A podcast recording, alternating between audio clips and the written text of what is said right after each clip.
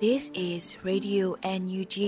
the voice of National Unity Government of Myanmar, broadcasting for Myanmar's Spring Revolution. Radio NUG is transmitting from shortwave 16 meter 17.79 megahertz at 8:30 a.m. and 25 meter 11.94 megahertz at 8:30 p.m. Myanmar Standard Time. မင်္ဂလာပါရှင်။အမျိုးသားညီညွတ်ရေးအစိုးရရဲ့အတန်လွတ်ဌာန Radio NUG ကိုမန္တပိုင်း၈နိုင်ခွဲမှာလိုင်းတူ6မီတာ19.3 MHz နဲ့ညပိုင်း၈နိုင်ခွဲမှာလိုင်းတူ25မီတာ17.6 MHz တို့မှာဓာတ်ရိုက်ဖမ်းယူနားဆင်နိုင်ပါပြီရှင်။မင်္ဂလာအပေါင်းနဲ့ပြည့်စုံကြပါစေ။အခုချိန်ကစပြီး Radio NUG စီစဉ်လေးကိုဓာတ်ရိုက်အတန်းလွှင့်ပေးနေပါပြီ။ မြန်မာနိုင်ငံသူနိုင်ငံသားအပေါင်းတဘာဝပေးဆရာနာရှင်ပြီးတို့ကနေကင်ဝေးပြီးကိုစိတ်နှစ်ပါးပြီးကင်းလုံးကြုံကြပါစေလို့ရေဒီယိုအန်ယူဂျီဖွယ်သားများကဆုတောင်းမြတ်တာပို့သလိုက်ရပါတယ်ရှင်။အခုချိန်ကစပြီးကာကွယ်ရေးဝန်ကြီးဌာနရဲ့စီရေးသတင်းချင်းချုပ်ကိုတော့ຫນွေဦးလင်ကမှဖတ်ကြားတင်ပြပေးပါရမရှင်။ ကာကွယ်ဝင်ကြီးဌာနအမျိုးသားညီညွတ်ရေးဆိုရမှ16ရက်စက်တင်ဘာလ2022ခုနှစ်ထုတ်ဝေတဲ့စစ်ရေးသတင်းကြေချုပ်ကိုတင်ဆက်ပေးတော့မှာဖြစ်ပါတယ်။စစ်ကောင်စီတပ်သား2ဦးသေဆုံးပြီး20ဦးထိခိုက်ဒဏ်ရာရရှိခဲ့ကြောင်းသတင်းရရှိပါရခင်ဗျာ။စစ်ကောင်စီနဲ့တိုက်ပွဲဖြစ်ပွားမှုသတင်းတွေကိုတင်ဆက်ပေးကြပါမယ်။ကီနီကယာပြည်နယ်မှာစက်တင်ဘာလ15ရက်နေ့ကဖရူဆိုမြို့နယ်ဖရူဆိုမြို့မှာရဲစခန်းရှိစစ်ကောင်စီတပ်ဖွဲ့များအား KNDF B15 မှ ဒရုန်းနဲ့ဘုံကျဲတိုက်ခိုက်ခဲ့ရာစစ်ကောင်စီတပ်သား2ဦးသေဆုံးခဲ့ကြောင်းသတင်းရရှိပါရခင်ဗျာ။စကိုင်းတိုင်းမှာစက်တင်ဘာလ15ရက်နေ့နေ့လယ်12:46မိနစ်အချိန်ခန့်ကမုံရွာမြို့နယ်တောပုကျွာရှိစစ်ကောင်စီတပ်သားပြူစောထီများကို People Defense Force South မုံရွာမှမုံရွာခရိုင်တရင်စက်တီ Farmer Revolution Force CHU တို့က drone နဲ့ဘုံကျဲတိုက်ခိုက်ခဲ့ကြောင်းသတင်းရရှိပါရခင်ဗျာ။ စက်တင်ဘာလ15ရက်နေ့မနက်9:30မိနစ်အချိန်ခန့်က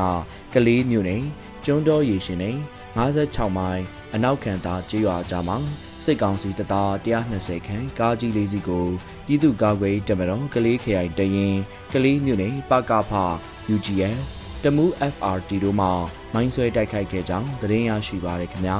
စက်တင်ဘာလ15ရက်နေ့မနက်၈နာရီခန့်ကတမူးမြို့နယ်တမူးမြို့ လေးမိုင်စစ်ကောင်စီဂိတ်စခန်းနဲ့ဒန်ကိုစီဆိုင်နီးရှိစစ်ကောင်စီတပ်သားများကိုပြည်သူ့ကာကွယ်တပ်မတော်တမူးခရိုင်တရင်1-2-3-4 FRD BSO ABSDF ပူးပေါင်းတပ်ဖွဲ့တို့ကလက်နက်ကြီးလက်နက်ငယ်များနဲ့တွားရောက်တိုက်ခိုက်ခဲ့ရာစစ်ကောင်စီတပ်သား20ဦးထိခိုက်ဒဏ်ရာရရှိခဲ့ပြီးစစ်ကောင်စီဘက်မှလက်နက်ကြီးများနဲ့ပြန်လည်ပစ်ခတ်ခဲ့ကြောင်းသတင်းရရှိပါရခင်ဗျာ ဆက်လက်ပြီးစစ်ကောင်စီကကျူးလွန်တဲ့ရာဇဝမှုတွေကိုတင်ဆက်ပေးကြပါမယ်ကချင်ပြည်နယ်မှာစက်တင်ဘာလ15ရက်နေ့မနက်7:00နာရီခန့်ကမိုးညင်းမြို့နယ်မိုးညင်းမြို့အုတ်ကျင်းရက်ကွယ်ရွှေပောက်ကန်လမ်းစုံမှာကင်းလှည့်နေတဲ့ရဲတပ်ဖွဲ့ဝင်များမှပြည်သူတူအားတနက်နေ့လိုက်လံပစ်ခတ်တဲ့အတွက်ကြောင့် နွားကြောင်းနေသူတူကိုကြီးထိမှန်ခဲ့ကြောင်းသတင်းရရှိပါရခင်ဗျာ။စကိုင်းတိုင်းမှာစက်တင်ဘာလ16ရက်နေ့ကမြောင်မြို့နယ်ကြောက်ရည်စခန်းစစ်ကောင်စီတပ်ဖွဲ့ဝင်များမှလက်နက်ကြီးလက်နက်ငယ်များနဲ့နနွင်းကင်ရွာသို့ပစ်ခတ်ခဲ့တဲ့အတွက်ကြောင့်ဖုန်ကြီးကျောင်းမှာပုံရှောင်နေတဲ့အသက်80အရွယ်အဖွားတော်ကြီးတင်ကြီးထိမှန်တည်ဆုံးခဲ့ကြောင်းသတင်းရရှိပါရခင်ဗျာ။စက်တင်ဘာလ16ရက်နေ့နေ့လယ်တနာရီခန့်ကတပင်းမြို့နယ်အရှိချမ်းရှိလက်ရက်ကုန်းညောင်လှ တစ်တုံနဲ့အမေရိကန်စတဲ့ကျွော်များကိုစစ်ကောင်စီတပ်ဖွဲ့မှရဟတ်ရင်လေးစီးနဲ့လှည့်လည်ပစ်ခတ်နေကြောင်းသတင်းရရှိပါရခင်ဗျာမကွေးတိုင်းမှာစက်တင်ဘာလ15ရက်နေ့ကရေစကြိုမြို့နယ်ရေစကြိုမြို့အမှတ်6ရပ်ကွက်အောင်ချမ်းသာဖုံးတော်ကြီးကျောင်းရှိစစ်ကောင်စီတပ်သားများနဲ့ပြူစောထီများကဖုံးတော်ကြီးကျောင်းပိုင်းခလူကာကားတစ်စီးအားလူရဲယူဆောင်သွားခဲ့ကြောင်းသတင်းရရှိပါရခင်ဗျာ ယခုတင်ဆက်သွားတဲ့သတင်းတွေကိုမြေပြင်သတင်းတာဝန်ခံများနဲ့သတင်းဌာနတွေမှာဖော်ပြလာတဲ့အချက်လက်တွေပေါ်အခြေခံပြုစုထားခြင်းဖြစ်ပါတယ်။ကျွန်တော်ကတော့မျိုးဦးလင်ပါပါ။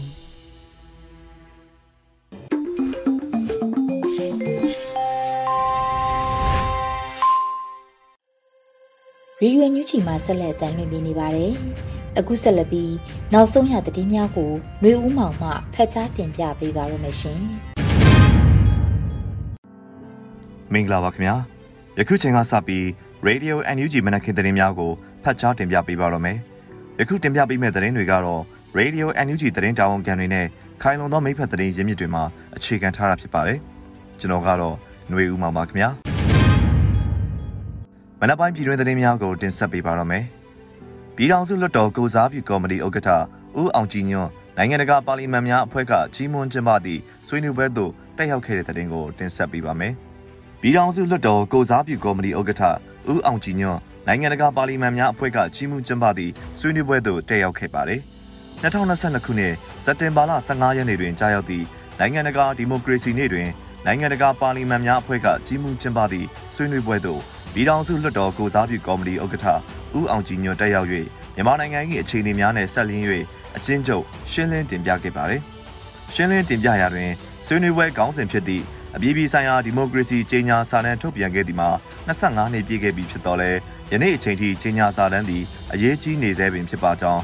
ကမ္ဘာပြည်သူများသည်ချင်းချောက်မှုအောက်ရောက်ရှိနေသည့်ဒီမိုကရေစီကိုကာကွယ်နေရပါကြောင်းမြန်မာနိုင်ငံတွင်လည်းပြည်သူများသည်လွတ်မြောက်မှုနှင့်ရှင်သန်မှုများကြီးကြီးမားမားထိခိုက်နေမှုကြားမှာပင်နိုင်စဉ်နေ့တိုင်းကာကွယ်နေရပါကြောင်းမိမိတို့လွတ်တော်ကိုယ်စားလှယ်များသည်လည်း IPU ကချမှတ်ထားသည့်အဓိကတန်ဖိုး9ရက်ကိုအတက်နိုင်ဆုံးလှုပ်ဆောင်နေပါကြောင်း ယခုကဲ့သို့အလွန်ဆိုးရွားသည့်အခြေအနေတွင်လိုအပ်ချက်အရလွတ်လပ်၍တရားမျှတသည့်2020ပြည့်နှစ်အထွေထွေရွေးကောက်ပွဲမှာရွေးကောက်တင်မြှောက်ထားသည့်ကိုယ်စားလှယ်များဖြစ်ပါကြောင်းဖမ်းဆီးမှုများနဲ့ထွက်ပြေးတိမ်းရှောင်နေရသည့်အတိုင်းဒီတောင်စုလွတ်တော်အစည်းအဝေးကို၄ချိန်တိုင်ကျင်းပခဲ့ပါကြောင်းဆိုခဲ့ပါတယ်။ထို့ပြင်1962ခုနှစ်နောက်ပိုင်းနိုင်ငံတော်၏အတိုင်းပင်ခံပုဂ္ဂိုလ်ဒေါ်အောင်ဆန်းစုကြည်ဦးဆောင်သည့်ပထမဆုံးအရက်သားအစိုးရက2020ပြည့်နှစ်တွင်လွတ်လပ်၍တရားမျှတသောရွေးကောက်ပွဲကျင်းပပေးခဲ့ပါကြောင်း မြန်မာနိုင်ငံတွင်မင်းအွန်လိုင်းဥဆောင်သည့်အာဏာသိမ်းစစ်တပ်သည်မအောင်မြင်သည့်အာဏာသိမ်းမှုကိုကြိုးပမ်းခဲ့သည်မှာ16လကျော်ရှိခဲ့ပြီဖြစ်ပါကြောင်းပြည်သူ2243ဦးကျော်တပ်ဖြတ်ခံထားရပြီး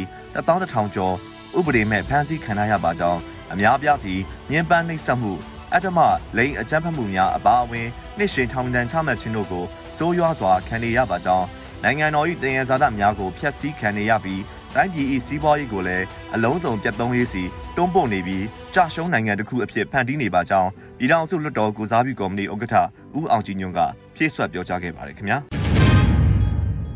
ဆက်လက်ပြီးပြည်ထောင်ရေးဝန်ကြီးအမိန့်နဲ့ကဏီမြို့နယ်မီးဘေးလုံခြုံရေးအဖွဲ့ဖွဲ့စည်းခဲ့တဲ့တဲ့ကိုတင်ဆက်ပေးပါမယ်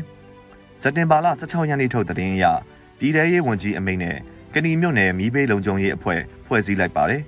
စက်တင်ဘာ16ရက်နေ့မှာအမိန့်ကြေညာစာမှတ် 38မြင်းဆောင်2022နဲ့ကြေညာလိုက်ပါတယ်။အမျိုးသားညီညွတ်ရေးအစိုးရပြည်ထရေးနဲ့လူဝင်မှုကြီးကြပ်ရေးဝန်ကြီးဌာနမိသက်ဦးစီးဌာနမှစကိုင်းတိုင်းဒေသကြီးမြင်းမပင်ခရိုင်ကဏီမြို့နယ်အတွင်းအကြမ်းဖက်စစ်ကောင်စီ၏မီးရှို့ဖျက်ဆီးမှုများကိုကာကွယ်နိုင်ရန်မီးငိမ့်တပ်ရေးနဲ့ရှားဝေကယ်ဆယ်ရေးလုပ်ငန်းများကိုဆောင်ရွက်နိုင်ရန်အတွက်ကဏီမြို့နယ်မီးဘေးလုံခြုံရေးအဖွဲ့အားဖွဲ့စည်းလိုက်တယ်လို့ဖော်ပြပါတယ်။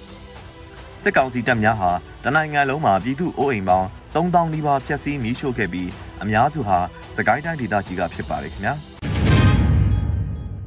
ဆက်လက်ပြီးစစ်အုပ်စုကိုအာဂျင်တီးနားတူရကီနဲ့အင်ဒိုနီးရှားနိုင်ငံကတရားရုံးများမှာအမှုဖွင့်ဖို့စ조사လှုပ်ဆောင်နေတယ်လို့လူခွင့်ရေးရာဝန်ကြီးကဆိုခဲ့တဲ့သတင်းကိုတင်ဆက်ပေးပါမယ်စစ်အုပ်စုကိုအာဂျင်တီးနားတူရကီနဲ့အင်ဒိုနီးရှားနိုင်ငံကတရားရုံးများမှာ အမှုဖွင့်ဖို့စ조사လှုပ်ဆောင်နေတယ်လို့လူခွင့်ရေးရာဝန်ကြီးဦးအောင်မျိုးမင်းကဆိုပါတယ်စက်တင်ဘာလအတွင်း IIMM ကုလစုံစမ်းရေးအဖွဲ့မြန်မာနိုင်ငံအစည်းအဝေးခန်းစာထူးခြားမှုကိုအမျိုးသားညီညွတ်ရေးအစိုးရလူအခွင့်အရေးဆိုင်ရာဝန်ကြီးဦးအောင်မျိုးမင်းကသတင်းဌာနတစ်ခုကိုပြောကြားခဲ့ပါတယ်။အခုဆိုရင်ကျွန်တော်တို့က Universal Jurisdiction လို့ခေါ်တဲ့နီလန်တစ်ခုကိုသုံးပြီးတော့အာဂျင်တီးနား၊တူရကီအခုဆိုရင်အင်ဒိုနီးရှားမှာကအစ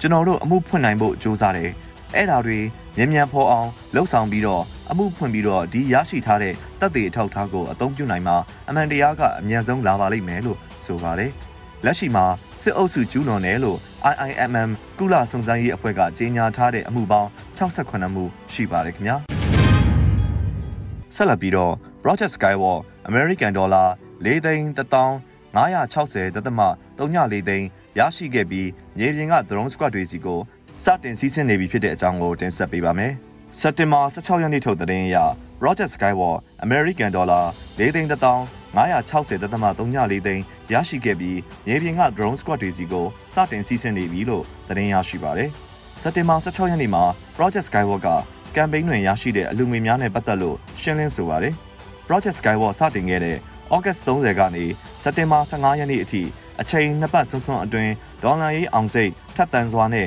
နိုင်ရာတာဝန်ထမ်းပေးခဲ့ကြတဲ့ပြည်တွင်းပြည်ပကထောက်ကူသူအရောက်စီတိုင်းကို Skywalker တွေကိုစားရေးစုအများကြီးတင်ရပါတယ်။ကမ်ပိန်းနောက်ဆုံးနေ့ဖြစ်တဲ့စက်တင်ဘာ15ရက်နေ့အထိ American Dollar ၄သိန်း1560.34သိန်းရရှိခဲ့ပြီးအခုဆိုရင်ရေပြင်က drone squad DC ကိုစတင်စီးဆင်းနေပါပြီလို့ဆိုပါတယ်။ Project Skywalk ကိုစိတ်ပါဝင်စားပေမဲ့အခက်အခဲအမျိုးမျိုးကြောင့်အချိန်မီမပါဝင်ဖြစ်လိုက်ရတဲ့သူတွေအနေနဲ့လည်း Roger Skywalk ရဲ့ Facebook Page Messenger ကနေဆက်သွယ်ပြီး Skywalker တွေကိုဆက်လက်ထောက်ကူနိုင်တယ်လို့သတင်းရရှိပါတယ်။စစ်ကောင်စီတပ်ကိုဝေဟင်ကနေအမြင့်ဖြတ်ချိန်မုံမဲ့ Skywalker တွေအားလုံးနဲ့အတူ Roger Skywalk Page ကတသားတည်းဆက်ရှိနေမှာဖြစ်တယ်လို့ဆိုပါတယ်။ဆက်လက်ပြီးလက်နက်မဲ့လက်နက်ပါစီဒီယန်ပြုလုပ်ခြင်းများအတွက်2022ခုနှစ်စက်တင်ဘာလ1ရက်နေ့မှစ၍ပြည်သူ့သားကောင်းအဖွဲ့မှဂုံပြူချီးမြှင့်ငွေများပေးအပ်လျက်ရှိနေတယ်လို့ဆိုခဲ့တဲ့သတင်းကိုတင်ဆက်ပေးပါမယ်။ စက်တင်ဘာ16ရက်နေ့ရရှိသောသတင်းအရလက်နက်မဲ့လက်နက်ပါ CDN ပြုလုပ်ခြင်းများအတွက်2022ခုနှစ်စက်တင်ဘာလ1ရက်နေ့မှစ၍ပြည်သူ့သားကောင်းအဖွဲ့မှဂုံပြူချီးမြှင့်ငွေများပေးအပ်လျက်ရှိတယ်လို့ဆိုပါတယ်။စက်တင်ဘာလအတွင်းမှာပြည်သူ့သားကောင်းအဖွဲ့ကတရားဝင်သတင်းထုတ်ပြန်ပါတယ်။အချမ်းဖတ်စစ်အာဏာရှင်လက်အောက်ရှိလူအခွင့်အရေးချိုးဖောက်ခံရကမတရားဖိနှိပ်ခံရသည့်တပ်နှင့်ရဲတပ်ဖွဲ့မှအင်အားစုများပြည်သူ့ဘက်သို့ပုံပုံပါဝင်လာစေရန်အတွက်ရည်ရွယ်၍လက်နက်မဲ့လက်နက်ပါစီဒီယန်ပြုလုပ်ခြင်းများအတွက် 2022ခုနှစ်စက်တင်ဘာလ1ရက်နေ့မှစ၍ပြည်သူ့သားကောင်းအဖွဲ့မှဂုံပြုချင်းမြင့်ငွေများပေးအပ်လျက်ရှိတယ်လို့ဖော်ပြပါတယ်။ပြည်သူ့သားကောင်းအဖွဲ့အနေဖြင့် CDN ဂုံပြုငွေချင်းမြင့်ပြီးပါကပြည်သူ့ရင်ခွင်ခိုလုံရေးအကောင့်အထည်ဖော်ဆောင်မှုကော်မတီပြည်သူ့ရင်ခွင် People's Embrace ပြည်သူ့ပန်းနိုင် People's Goal အမဲရင်ခွင်အစရှိတဲ့ CDN ကူညီထောက်ပံ့ရေးလုပ်ငန်းများဆောင်ရွက်နေသောဌာနအဖွဲ့အစည်းများနဲ့ပူးပေါင်း၍အောက်ပါ CDN ကူညီထောက်ပံ့ရေးလုပ်ငန်းစဉ်များအတွက်ဆောင်ရွက်ပေးသွားမှာဖြစ်တယ်လို့ဆိုပါတယ်။ ပြည်သူ့သားကောင်းအဖွဲ့ဟာပြည်သူ့ဘက်ရည်တည်ခဲ့သောတပ် CDM ရဲ CDM များနဲ့ Federal Democracy အရေးလှုပ်ရှားသူပြည်တွင်းပြည်ပမှအလူရှင်အချို့ဖြင့်ဖွဲ့စည်းထားသောအဖွဲ့အစည်းတစ်ခုဖြစ်ပါတယ်ခင်ဗျာ။ဆက်လက်ပြီးစစ်ကောင်စီတပ်သားတို့ CDF ဝဲငိုရမ်ထံလက်နက်နဲ့အတူအလင်းဝင်လာ၍ဂုံပြူငွေ760ပေးအပ်ချီးမြှင့်ခဲ့တဲ့တဲ့တင်ကိုတင်ဆက်ပေးပါမယ်။စ က်တင်ဘာ16ရက်နေ့တဲ့တင်အရစစ်ကောင်စီတပ်သားတို့ CDF ဝဲငိုရမ်ထံလက်နက်နဲ့အတူအလင်းဝင်လာ၍ဂုံပြူငွေ760ပေးအပ်ချီးမြှင့်ခဲ့ပါတယ်။စက်တင်ဘာလအတွင်းမှာ CDF ဝဲငိုရမ်ကအတိပေးဖော်ပြပါတယ်။ချင်းပြည်နယ်ဖလန်းမြို့နယ်ရီခေါ်ဒါမြို့တပ်စခန်းကစစ်ကောင်စီတပ်သားတို့ဟာ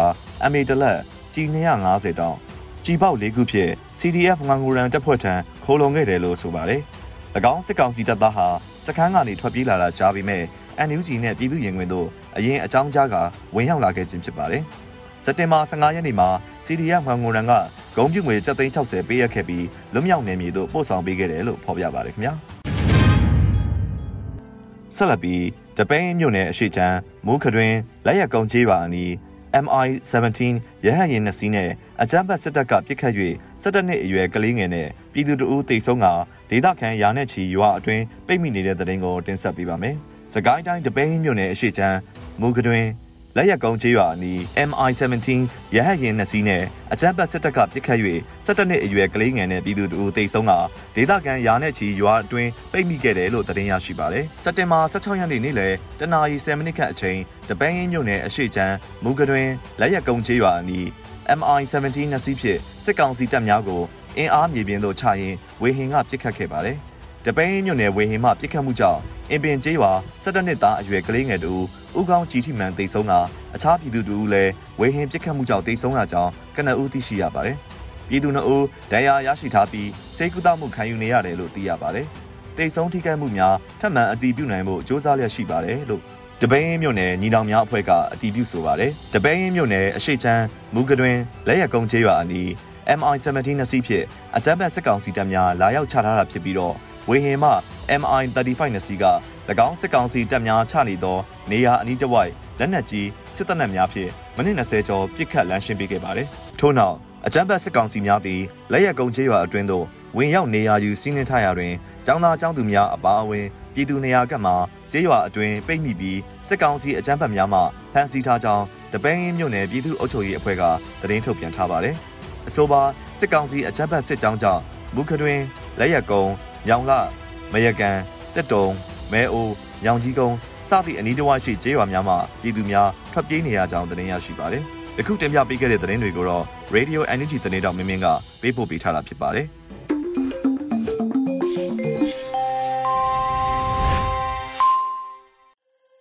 ဗီဒီယိုညူချီပရိသတ်တွေအတွက်ကူးဆက်လက်ပြီးထုတ်လွှင့်ပေးမယ့်စီစဉ်ကတော့တော်လန်ရေးတိဂီတာအစီအစဉ်ဖြစ်ပါတယ်။တေးရင်နောင်ရိုးရဲ့ လူငယ်တွေရှေ့ကိုတိုးလို့အမည်ရတဲ့တော်လန်ရေးတိဂီတာကိုနားဆင်ကြရတော့မှာဖြစ်ပါတယ်ရှင်။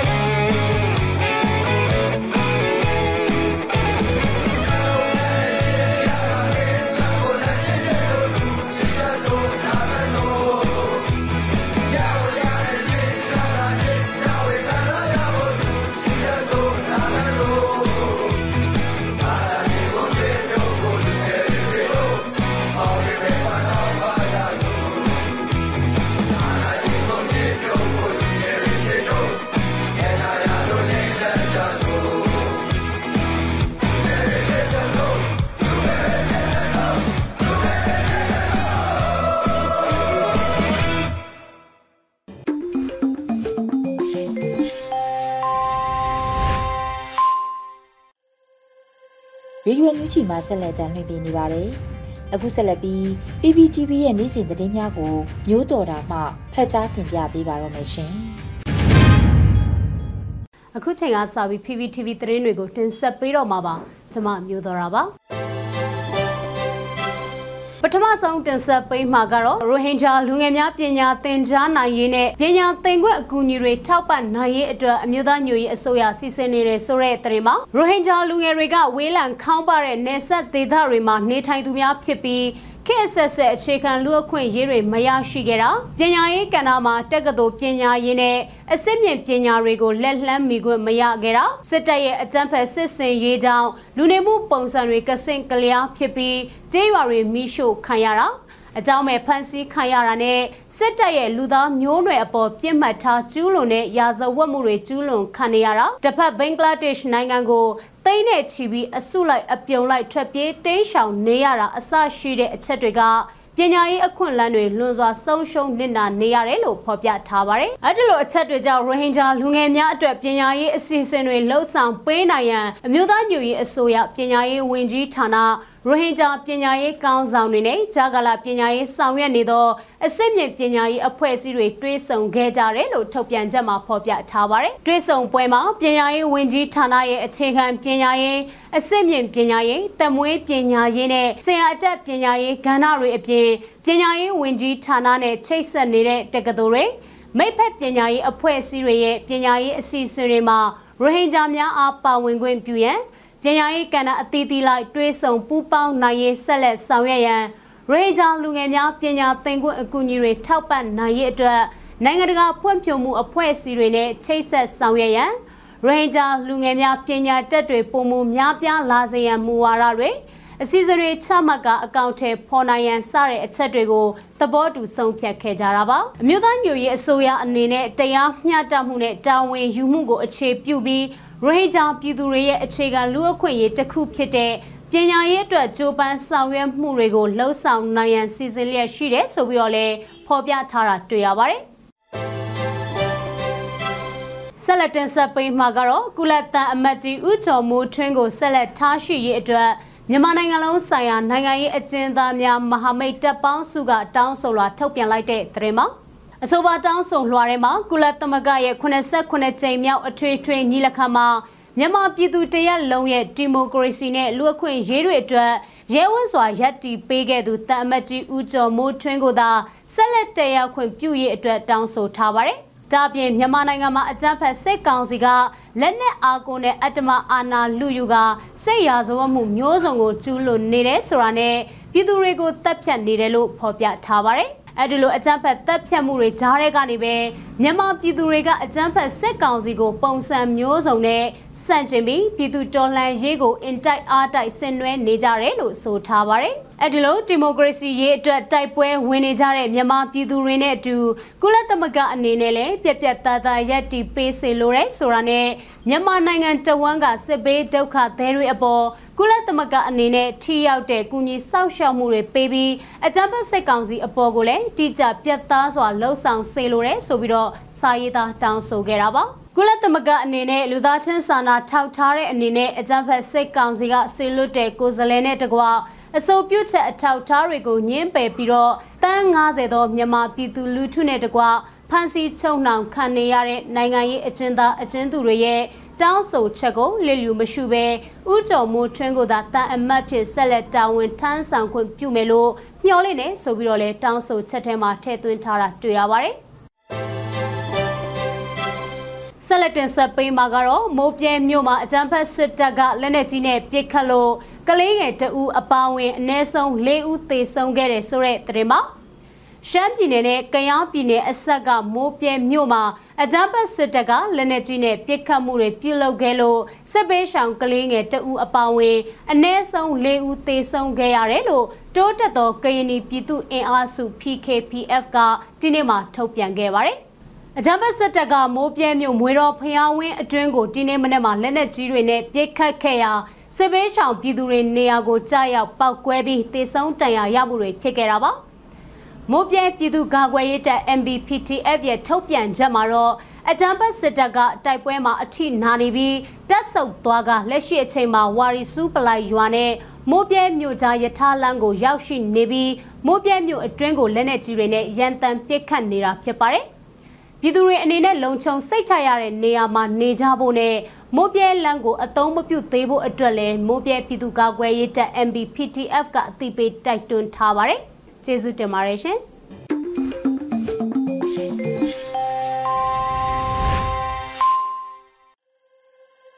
ရေဒီယိုအန်ယူဂျီပရိသတ်တွေအတွက်ကူးဆက်လက်ပြီးထုတ်လွှင့်ပေးမယ့်စီစဉ်ကတော့တိုင်းရင်းသားဘာသာစကားနဲ့သတင်းထုတ်လွှင့်မှုအနေနဲ့ချိုးချင်းဘာသာစကားခွဲတစ်ခုဖြစ်တဲ့ဒိုင်းဘာသာစကားဖြင့်သတင်းထုတ်လွှင့်မှုကိုနားဆင်ကြရမှာဖြစ်ပါတယ်။ ဒီစီစဉ်ကို Radio NUG နဲ့ချိုးချင်းဘာသာစကားသတင်းထုတ်လွှင့်မှုဖေတို့ကပူးပေါင်းတင်ဆက်ပေးထားတာဖြစ်ပါတယ်ရှင်။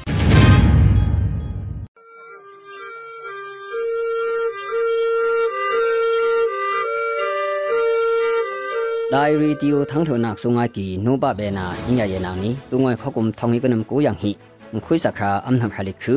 ခွန်းစုမတုံဟုံယာကာထငေဆွန်းကီဒိုင်ဆလိုင်နောကနိယမ်ထေလောက်ခယာကကီ aksuka recorder session hun ngona kongka se sama chun CTF hwa ngu ramda CTM wangwai ti dia thang ang hina ka mizoram da tum phen iwa ki e phu american boy ya mizoram boy thunak ve ki tia thang ak thum na ka ctf batu no se sapu am suk bi ki thum ani aman u tia thang ak phuna ka chok thum du uma sit ho ki se sang hi ani an him u tia thang am hana ka min dam dun ha i ong kun aphu iwa MUSU နော်ရရွယ်ပဲခိုင်တထငယ်ညငါခရေကကင်းနီ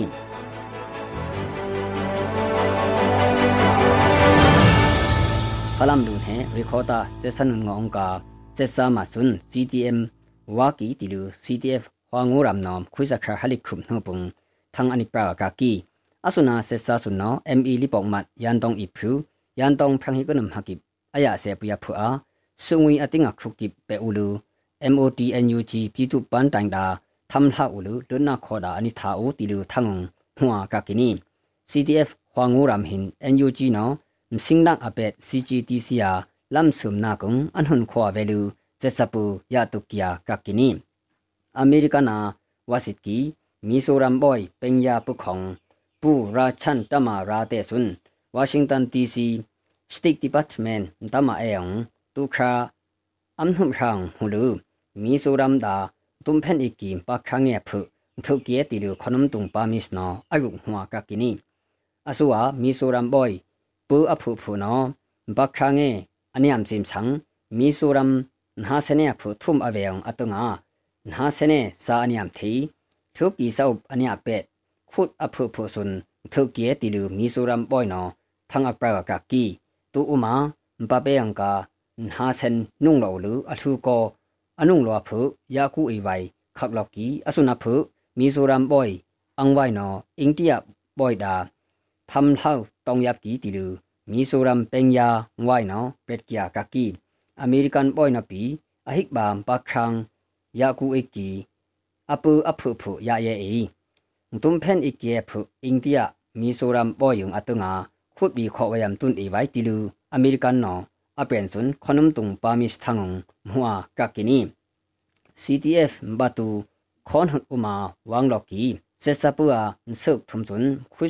င်းဟိမ်နှပုန်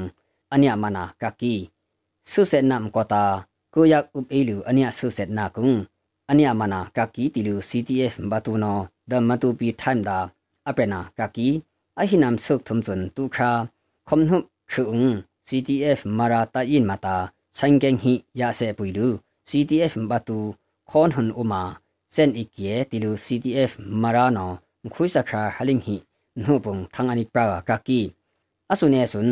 suk anipo sanglu upnang hana ania tak tilu CTF batu no apena kaki tamin tat phus no ta ahina thanghin khana ampo kho ham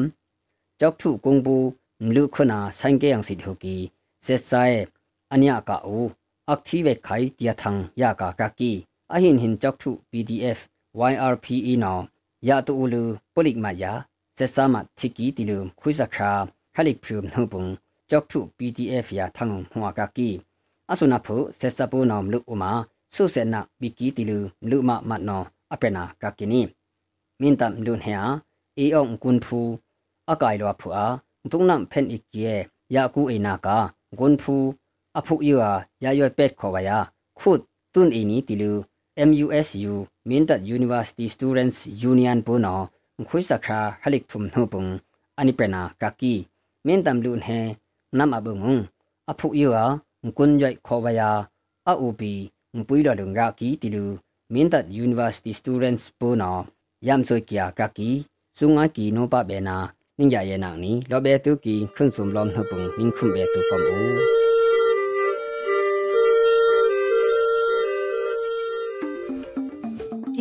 တော့ဒီညနေပဲ Radio NUG ရဲ့အစီအစဉ်လေးကိုခေတ္တရ延လိုက်ပါမယ်ရှင်မြန်မာစံတော်ချိန်မနေ့၈နိုင်ခွဲနဲ့ည၈နိုင်ခွဲအချိန်တွေမှာပြောင်းလဲဆိုပြကြပါလို့ရှင် Radio NUG ကိုမနေ့ပိုင်း၈နိုင်ခွဲမှာလိုင်းတူ16မီတာ19.7ခု9 MHz နဲ့ညပိုင်း၈နိုင်ခွဲမှာလိုင်းတူ25မီတာ17.6 MHz တို့မှာဓာတ်ရိုက်ဖမ်းယူနာဆင်နိုင်ပါပြီရှင်။ မြန်မာနိုင်ငံသူနိုင်ငံသားများကိုစိတ်နှဖျားစမ်းမချမ်းသာလို့ဘေးကင်းလုံခြုံကြပါစေလို့ Radio NUG ရဲ့ဖွဲ့သူဖွဲ့သားများကဆုတောင်းလိုက်ရပါတယ်။ San Francisco Bay Area အခြေစိုက်မြန်မာမိသားစုများနဲ့နိုင်ငံတကာကစေတနာရှင်များလို့အားပေးများရဲ့ Radio NUG ဖြစ်ပါတယ်ရှင်။အရေးတော်ပုံအောင်ရမည်